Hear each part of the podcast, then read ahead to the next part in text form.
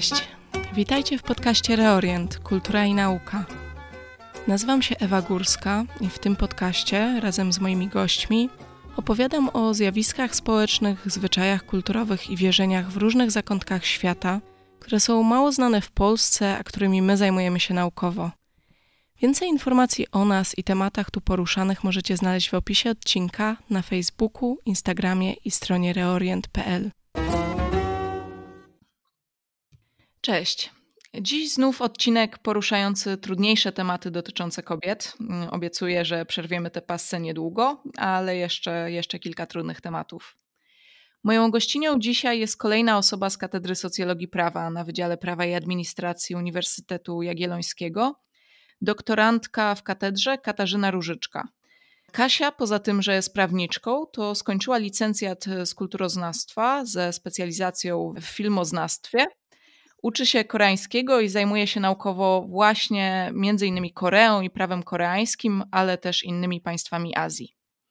Dziś rozmawiamy o tak zwanych comfort women, e, inaczej zwanych wojskowymi kobietami do towarzystwa. Istnieje też kilka innych delikatnych określeń, ale tak naprawdę chodzi o kobiety, które były zmuszane do świadczenia usług seksualnych japońskim okupantom w czasie okupacji innych azjatyckich państw. Problem kojarzony jest chyba najbardziej z Koreą Południową, ale jak zaraz usłyszymy, był nieco szerszy. Cześć Kasia. Cześć, cześć. Słuchaj, przejdziemy od razu do sedna. Kim były Comfort Women? Z jakich państw pochodziły i jaka jest historia, która się kryje za tym pojęciem? Comfort Woman, czyli e, szerzej w Polsce tak zwane pocieszycielki, to jest chyba jedno z takich bardziej e, znanych określeń tutaj w Polsce, pod jakimi pojawiają się właśnie te kobiety. To są tak naprawdę obywatelki różnych, różnych państw. To są zarówno kobiety, ale też jak dziewczynki, e, które pochodziły z terenów Filipin, Chin, Tajlandii, Malezji, Holandii, ale też Korei. I tutaj mam na myśli tereny Korei, zarówno obecnie e, Korei Południowej, jak i Korei Północnej, czyli przed e, właśnie wojną koreańską, która rozgrywała się po II wojnie światowej. I podczas właśnie II wojny światowej te dziewczynki i kobiety, bo, bo niektóre z, z pocieszycielek miały nawet 14 lat, tutaj jeżeli chodzi o Koreanki, to niektóre miały 14 lat w tym naszym zachodnim sposobie rozumienia wieku, natomiast w koreańskim E, one już miały wtedy 15 lat, natomiast taka ciekawostka, bo głównie będziemy mówić o pocieszycielkach koreańskich, tu będę się raczej odnosiła do tej, do tej kwestii koreańskiej. W Korei wiek liczy się tak, że jak już urodzi się dane, dane dziecko, to, to od razu rok, troszeczkę inaczej niż u nas. Więc e, jeżeli mówię, że tutaj niektóre z tych dziewczynek, na przykład z Korei, miały 14 lat w naszym rozumieniu, to w koreańskim miały 15, czyli były to bardzo młode często dziewczyny. Niektóre miały też lat 18-20, natomiast najczęściej to właśnie młode dziewczynki i kobiety, które były sprowadzane przez Japończyków, ale też nieraz różnych pośredników do comfort stations, które znajdowały się na terenach okupowanych przez Japończyków.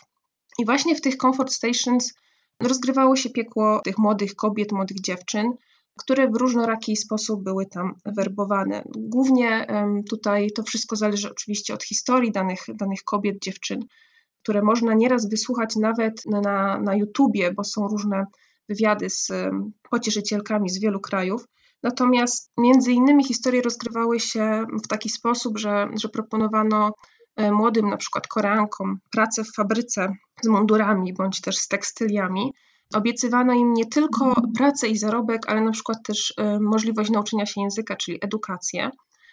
Następnie dziewczyny te były przewożone statkami na tereny innych krajów, gdzie właśnie już przewiezione do do tych, do tych punktów um, przywojskowych um, dowiadywały się, że jednak nie będą na przykład pracować właśnie w fabryce, czy też na przykład nie będą gotować, prać, wykonywać innych takich czynności, ale właśnie będą e, świadczyć usługi seksualne wbrew ich woli.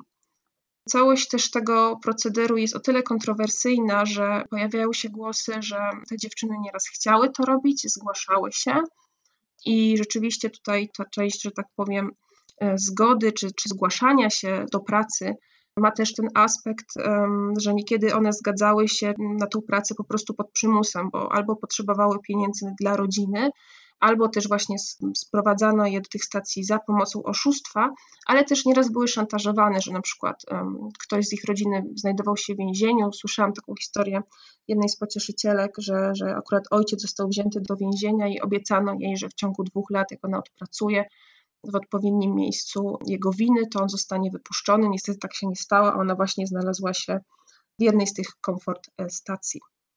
A możesz nakreślić trochę tło historyczne, tło wojenne tej sytuacji też? Jasne.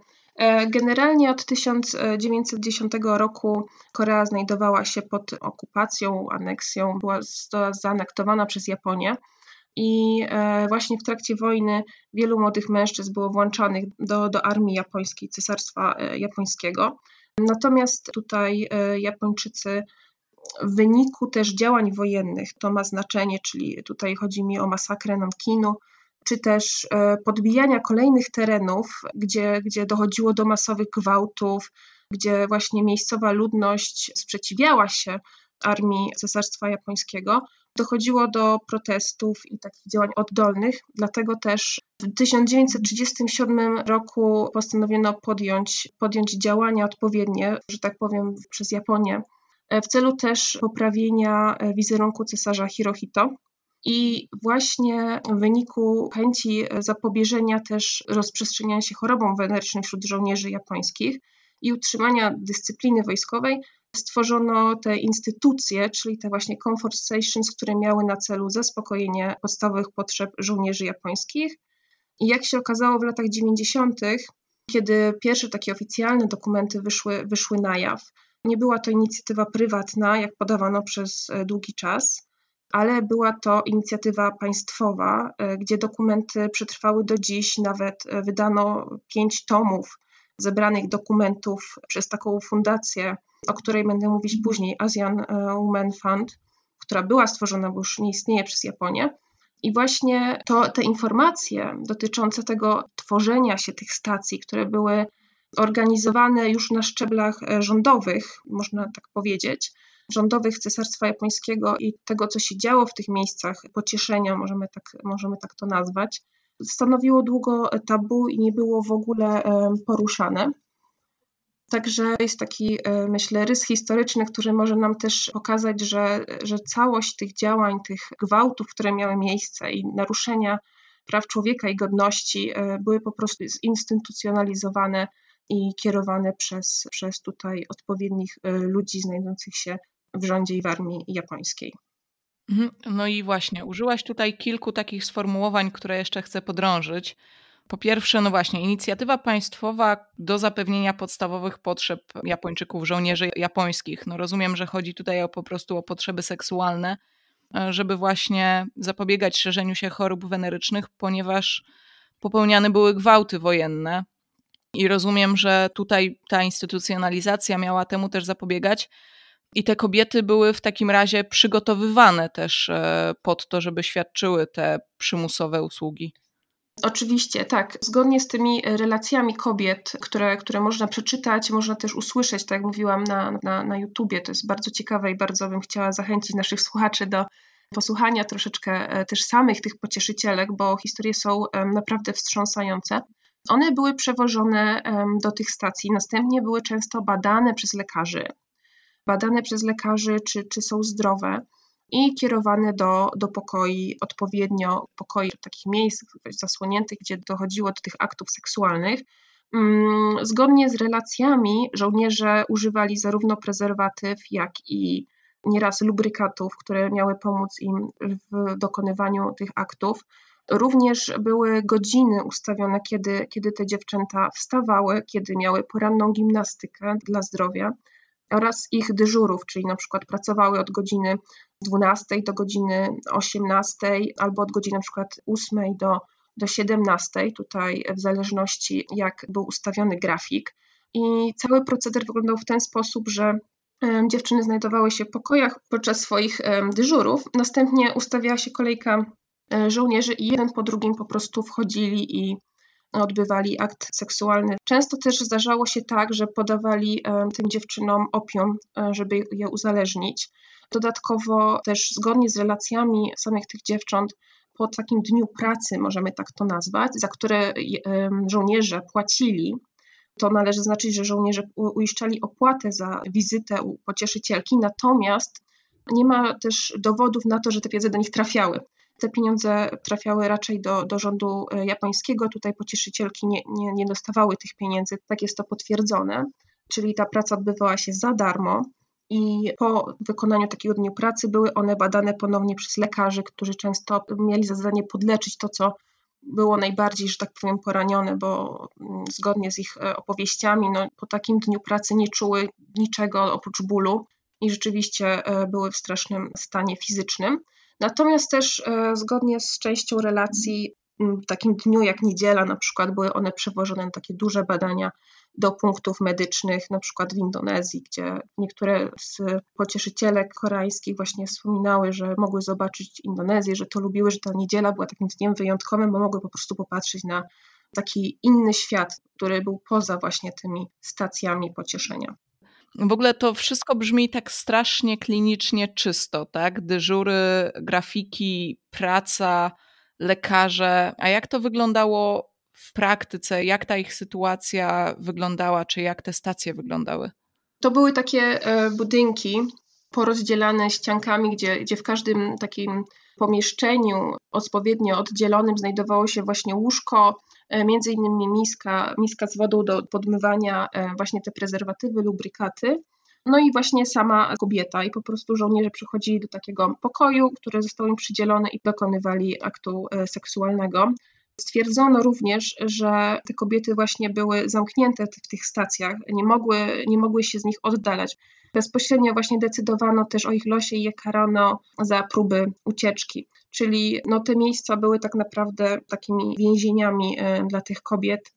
Później, jak na przykład w przypadku jednostek w Singapurze, z tego co e, informacji, jakie udało mi się dotrzeć, to kiedy armia japońska już na przykład przegrała, to te kobiety były zmieniane, żeby ukryć to, co się działo na pielęgniarki i na przykład pełniły później służbę jako pielęgniarki e, przy armii e, japońskiej. Więc rzeczywiście to, to wszystko, tak jak to ładnie nazywałaś, było czyste i doskonale zaplanowane, właśnie w celu, można powiedzieć, takiego idealnego rozwiązania problemów armii japońskiej.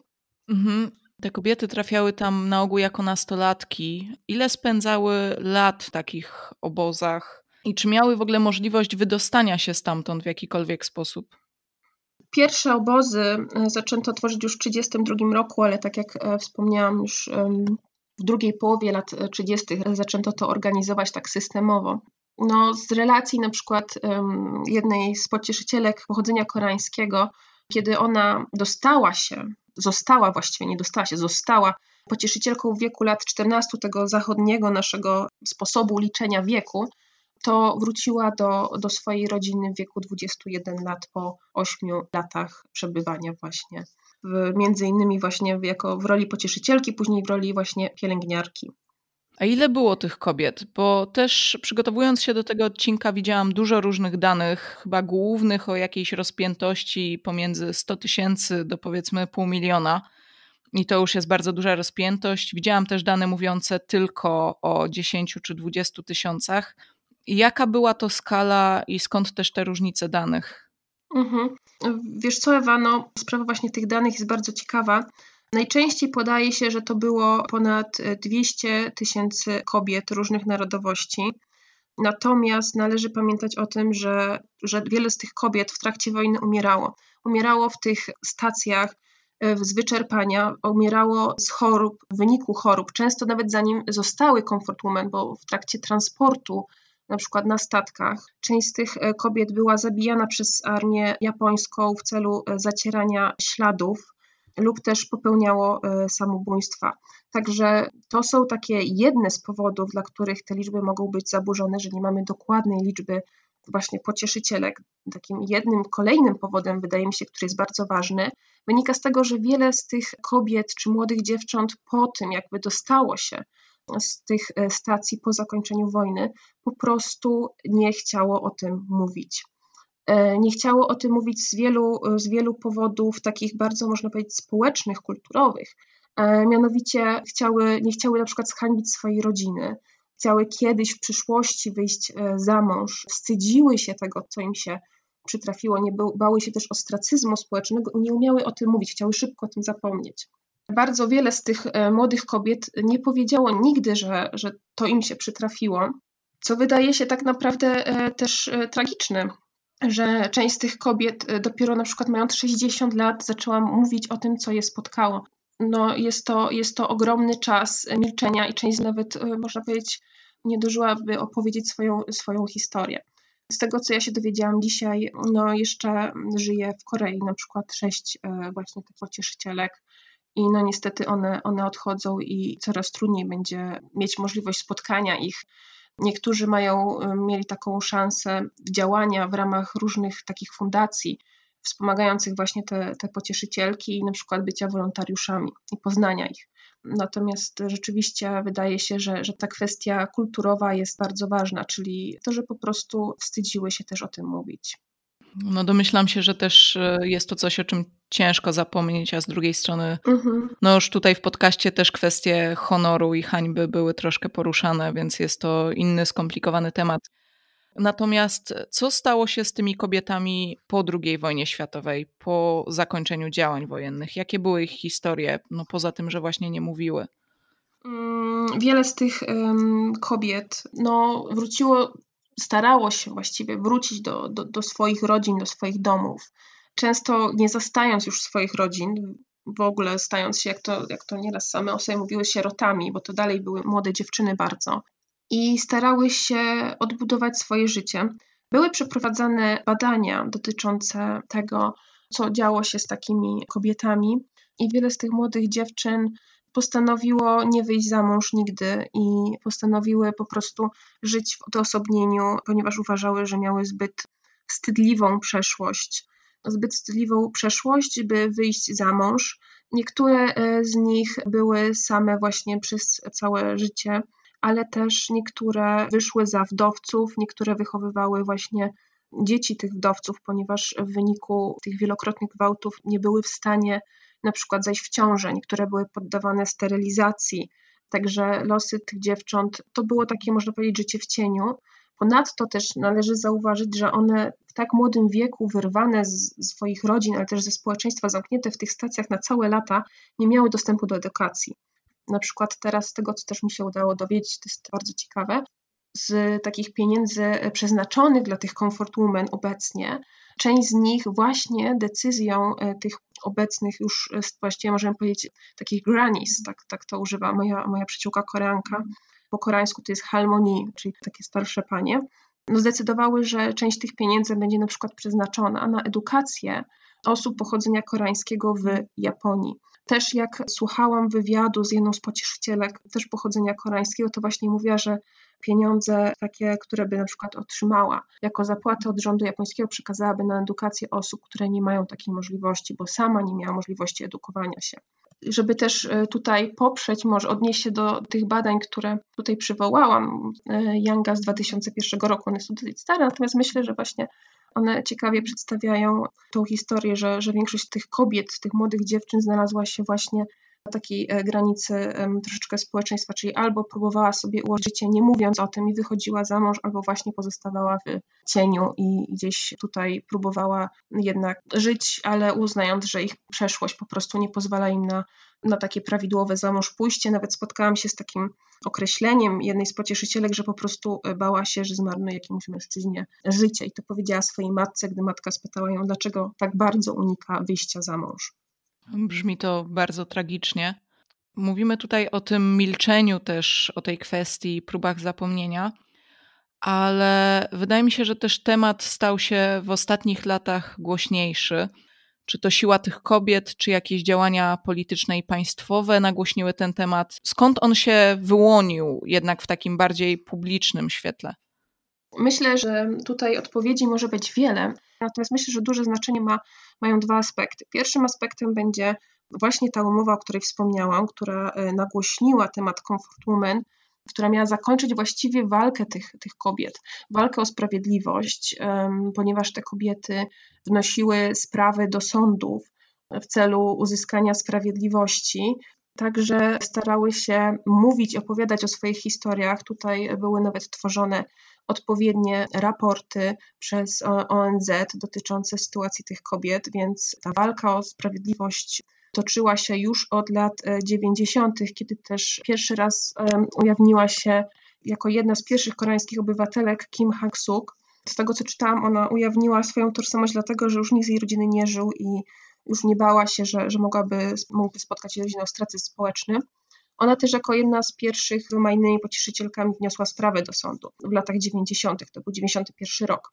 Więc od lat 90. toczyła się taka wojna tych kobiet o sprawiedliwość, która miała swoje też reperkusje właśnie e, w świadomości też takiej międzynarodowej, można powiedzieć. I ten temat był obecny. Nawet kobiety wnosiły sprawę do sądu w Ameryce, między innymi, ale też właśnie w Japonii czy w Korei Południowej. Tutaj ta walka toczyła się już od lat.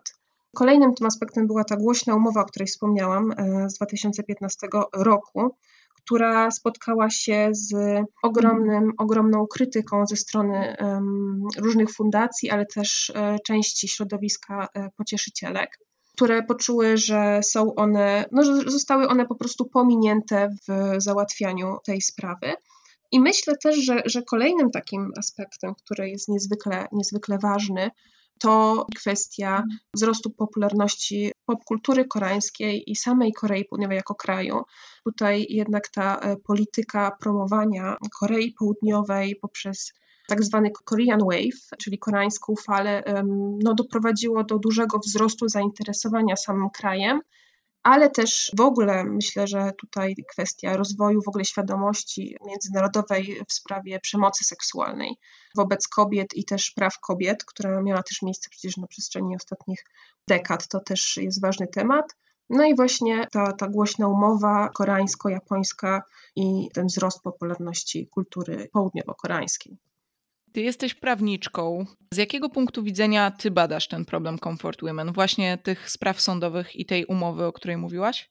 Znaczy tak, jeżeli chodzi o tę, tą drogę taką sądową, to myślę, że takim ciekawym aspektach, które mogę wspomnieć jako prawniczka, nie chciałabym też tutaj wchodzić w szczegóły, to jest zauważenie przede wszystkim tego, że podczas Trybunału Tokijskiego, który odbywał się w latach 1946 do 1948 e, już były znane e, fakty dotyczące przemocy seksualnej, natomiast e, no, kwestia ta została pominięta.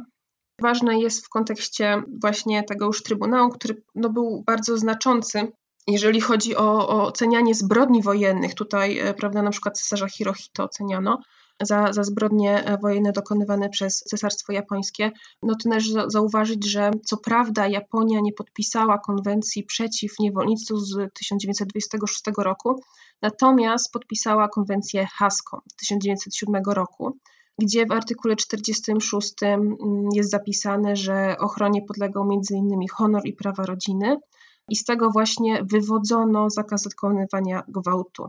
I to jest jedna z tych e, konwencji, która została naruszona w charakterze tych działań, natomiast e, tutaj e, wskazuje się, że naruszono więcej, więcej takich aktów, no między innymi na przykład kwestia przymusowej pracy, czyli tutaj konwencja z 1930 roku, czy też na przykład naruszenie konwencji z 1921 roku dotyczącej zwalczania handlu i kobiet i dziećmi.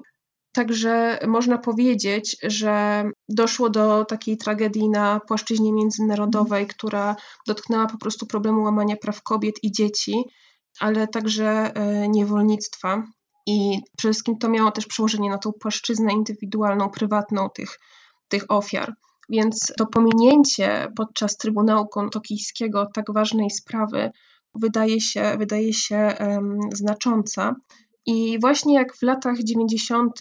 wyszła, wyszła ta sprawa tego zaangażowania państwa w organizację tych stacji, Japonia nie mogła, nie mogła, że tak powiem, się wycofać e, z tego w żaden sposób. Wtedy też rząd japoński utworzył w 1995 roku Asian Women Fund, który jest bardzo ciekawą jednostką, można tak powiedzieć, był, bo już został zamknięty w 2007 roku, Natomiast z tego funduszu miano wypłacać zadośćuczynienie ofiarom oraz sfinansować po prostu opiekę medyczną dla tych kobiet. Tylko co jest ważne i co jest często podnoszone, kwestii właśnie takiego mm, konfliktu między Japonią a Koreą Południową, bo tutaj e, głównie do Korei Południowej będę się odnosić, to jest kwestia tego, że właśnie w ramach tego funduszu znajdowały się środki wpłacane przez osoby prywatne, przez darczyńców, a nie były to środki państwowe.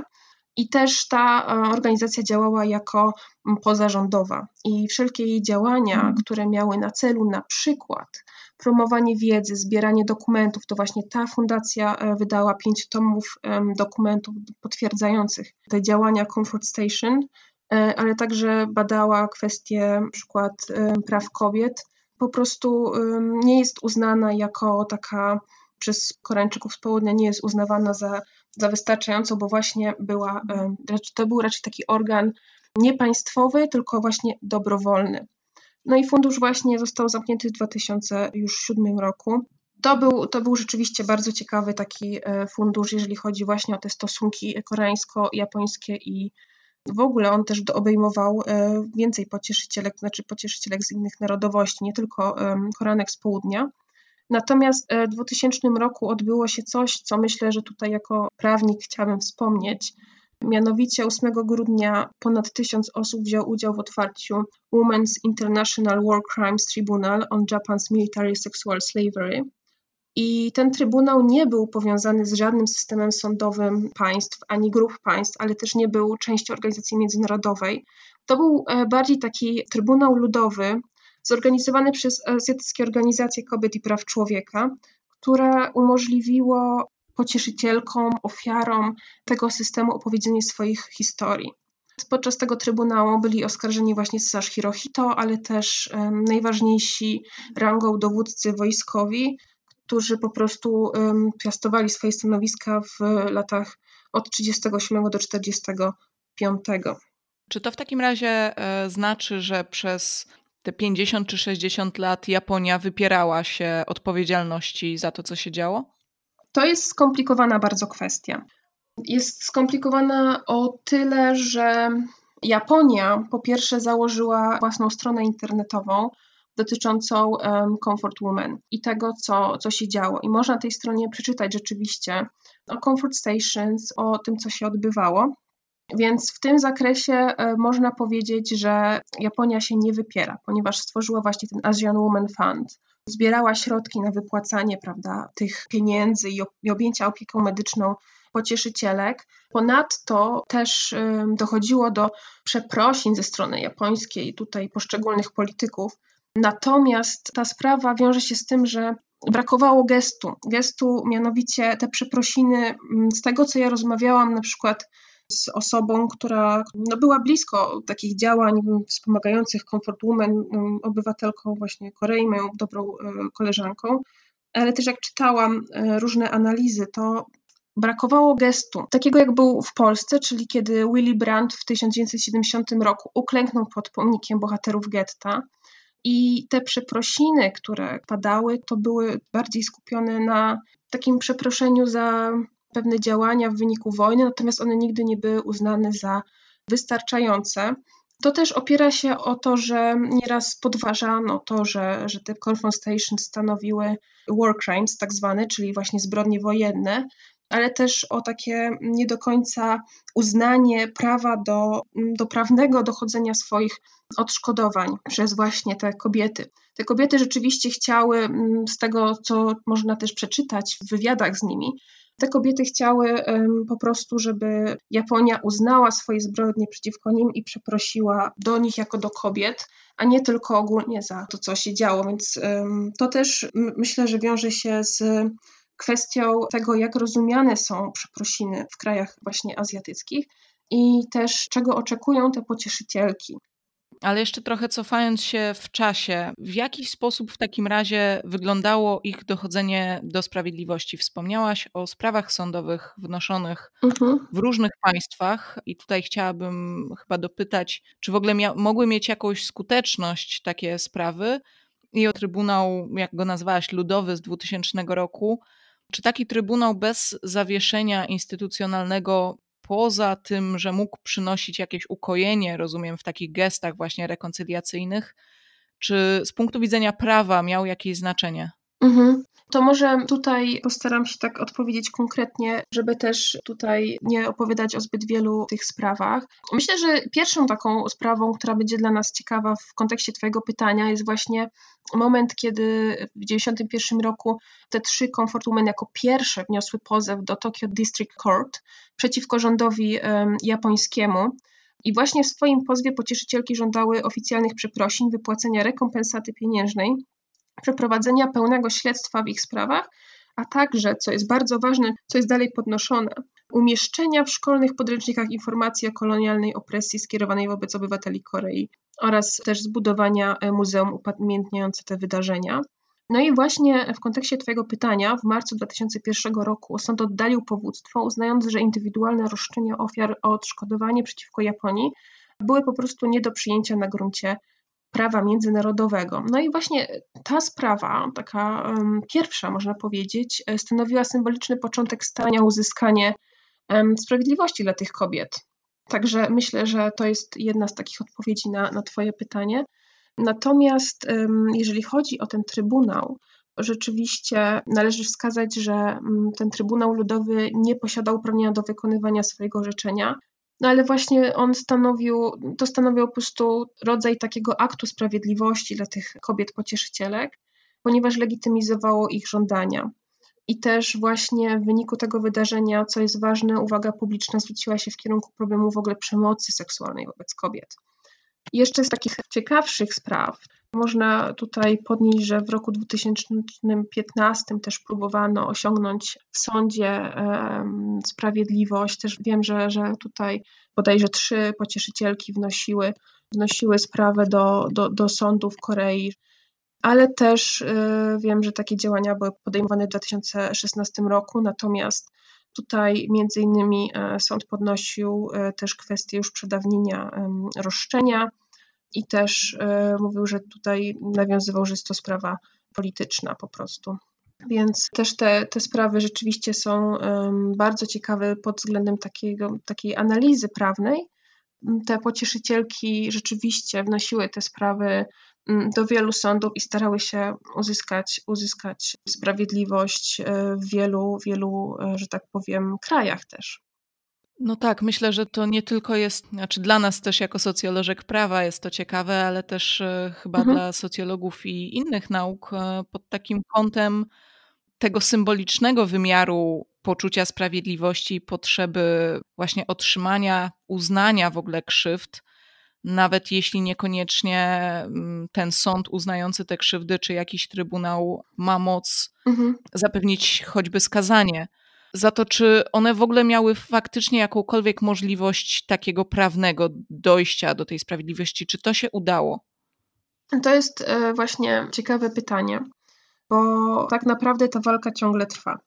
Z takiego prawnego punktu widzenia te sprawy bardzo właśnie często były właśnie oddalane ze względu na, na to, że po prostu one jako indywidualne osoby nie mogły, nie mogły pozwać e, Japonii i też no, często te, te sprawy były po prostu w jakiś sposób oddalane. Natomiast szczerze mówiąc też nie badałam tak e, szczegółowo wszystkich tych e, spraw, które były wnoszone przez pocieszycielki, bo one też z tego co wiem wnosiły też sprawy do, do sądu amerykańskiego i to nie same obywatelki Korei e, Południowej, ale też wraz z innymi obywatelkami, które doświadczyły tej przemocy.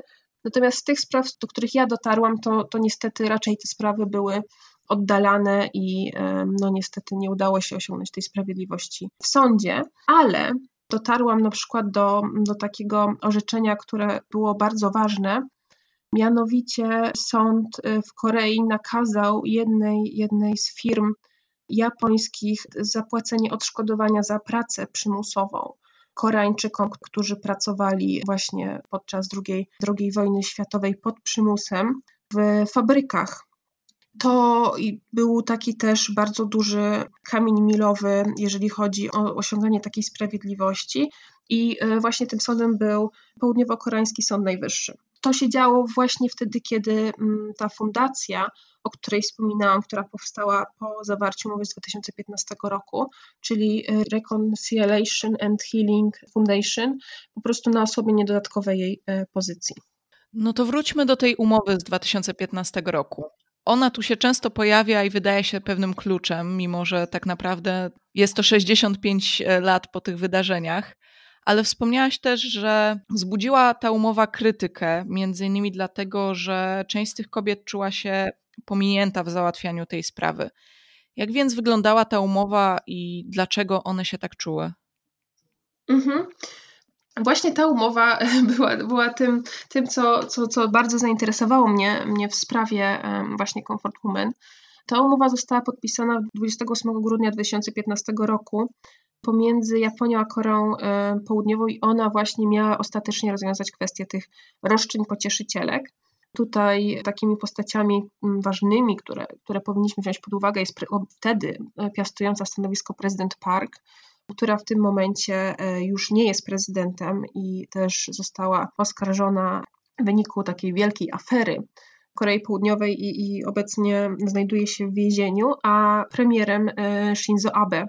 I umowa ta właśnie obejmowała jedynie obywatelki Korei Południowej i pomijała na przykład Koreanki z północy. Wzbudziła ona falę sprzeciwu nie tylko właśnie ze strony samych pocieszycielek, ale także ze strony społeczeństwa, ponieważ uznano, że po pierwsze całkowicie wykluczono same pocieszycielki e, z rozmów dotyczących ustalenia rozwiązania tej sytuacji. Odmówiono głosu ofiarom. Mówi się, że właśnie za pieniądze, które miały być przekazane przez rząd japoński jako formę odszkodowania, rekompensaty, po prostu wbito drugi raz nóż w plecy tym ofiarom.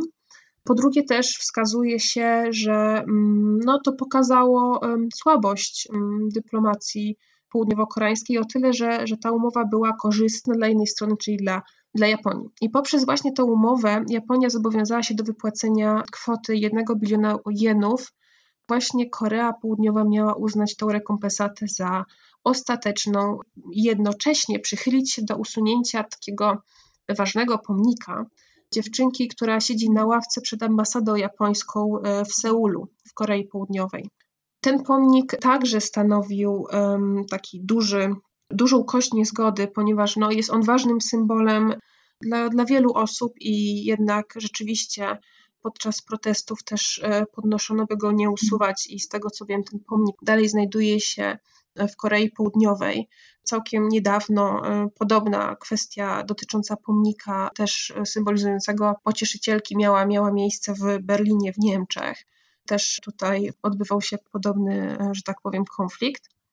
Natomiast właśnie to pominięcie w negocjacjach tych żyjących ofiar i też ich rodzin no, stanowiło taki duży problem, jeżeli chodzi o zaakceptowanie warunków tej umowy.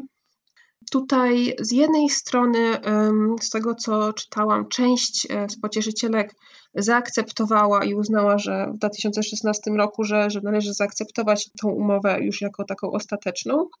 Natomiast część e, się z tym nie zgodziła i protesty rzeczywiście w wyniku tych, tej umowy miały miejsce e, w Korei Południowej.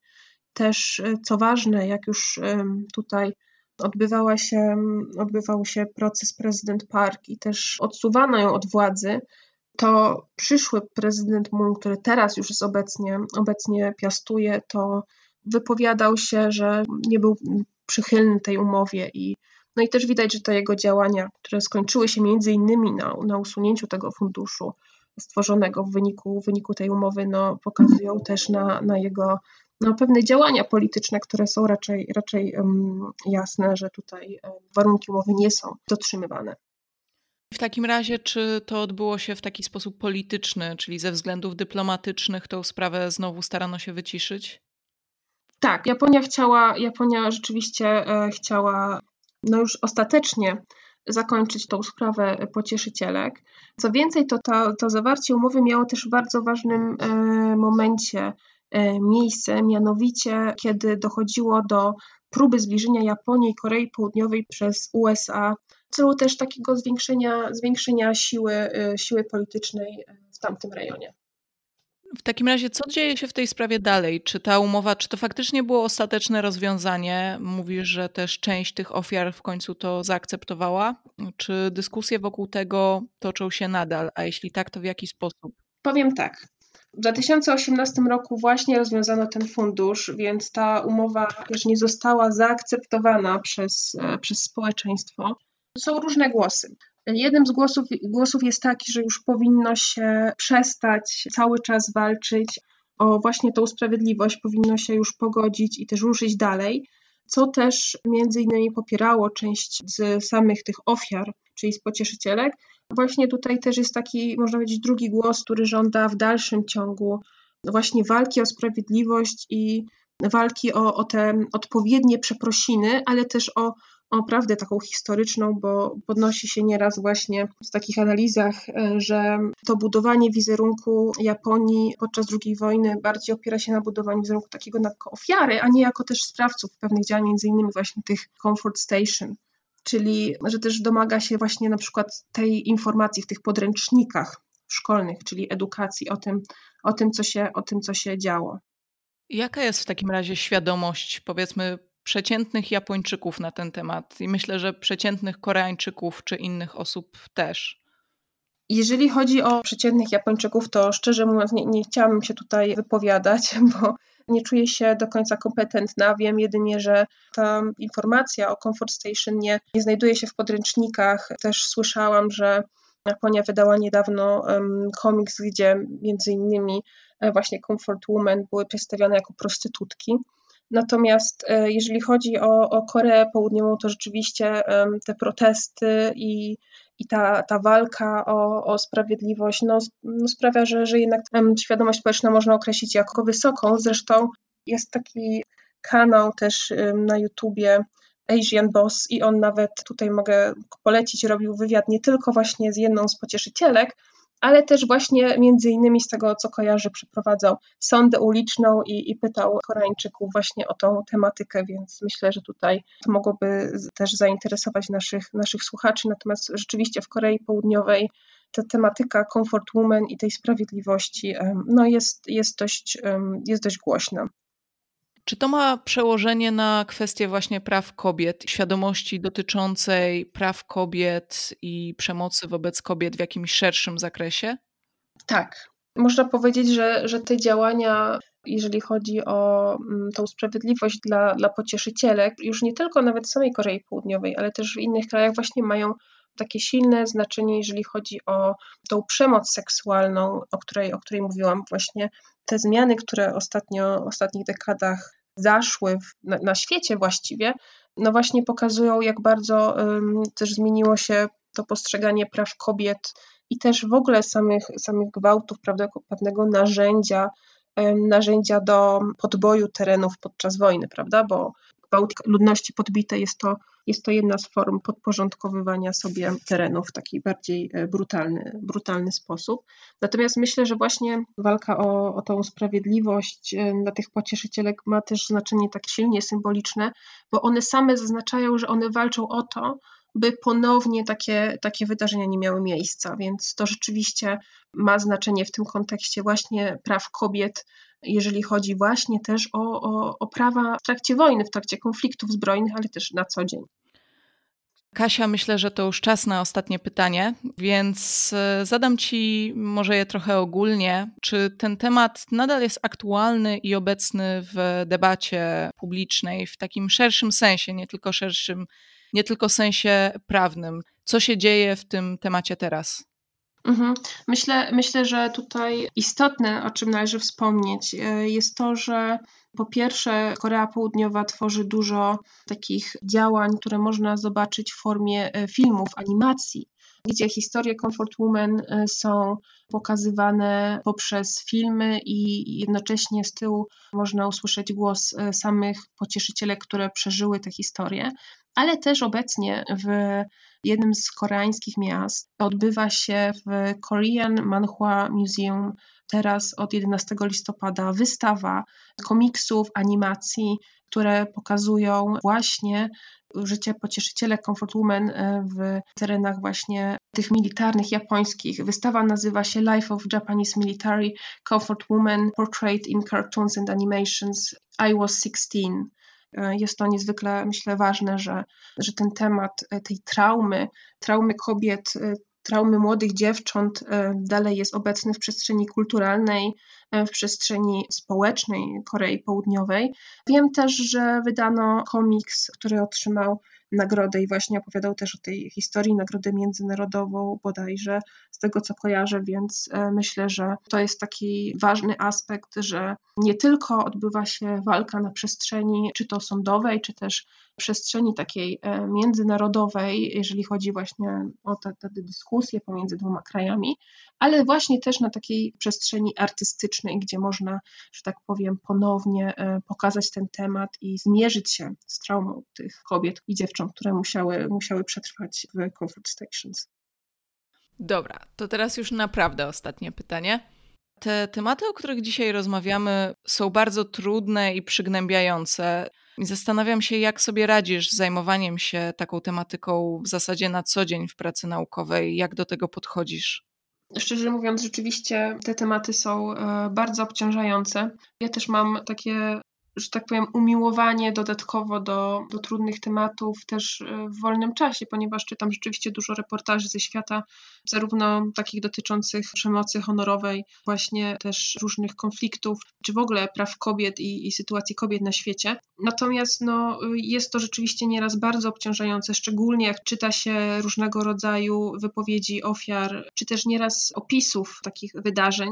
Natomiast mogę Ci zagwarantować, że w przypadku tego tego czytania, to nie było dla mnie aż tak ciężkie, jak w momencie, kiedy spotkałam na swojej drodze Koreankę, która rzeczywiście pracowała jako wolontariuszka w domu dla pocieszycielek i zaczęła mi opowiadać o swoich doświadczeniach i skonfrontowała mnie z tą rzeczywistością.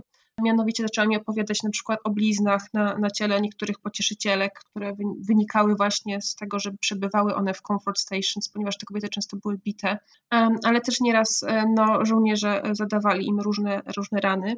Opowiedziała mi też na przykład o oczach pocieszycielek, że rzeczywiście jak się im patrzy w oczy, to, to jest to wspomnienie niezapomniane i widzi się twardość. Dlatego też myślę, że tym bardziej, tym bardziej ta tematyka jest taka ważna, żeby się nią zajmować, szczególnie my jako kobiety myślę też powinnyśmy, bo ta tematyka dotyczy nas. To są historie często przypełnione cierpieniem, utratą też pewnej godności, która, która mogła spotkać każdą z nas, każdą z nas e, kobiet i dlatego myślę, że mhm.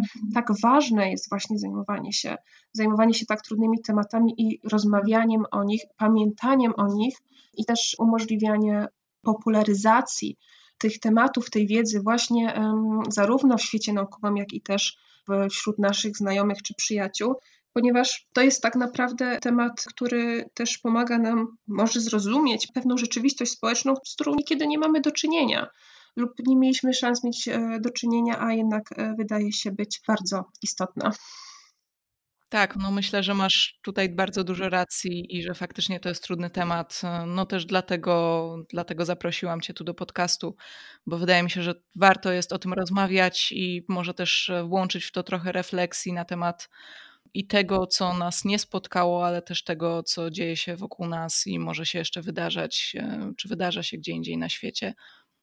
Bardzo Ci dziękuję za rozmowę. Było to bardzo ciekawe i e, bardzo ciekawie się też słuchało o temacie, który jest, myślę, mniej znany dla większości z nas, dla mnie też dużo mniej znany.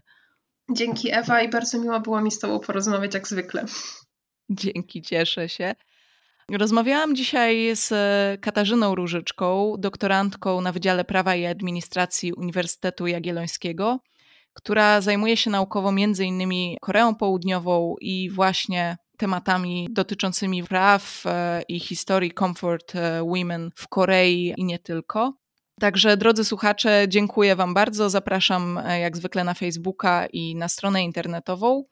Jeśli podobał Wam się ten odcinek, to zapraszam Was e, w tym momencie przede wszystkim, myślę, na Facebooka, tam też najwięcej się dzieje, na Facebooka Reorient Kultura i Nauka, do zalajkowania i śledzenia, co dzieje się dalej. W takim razie zapraszam Was też e, za tydzień na kolejny odcinek. Dzięki i do usłyszenia.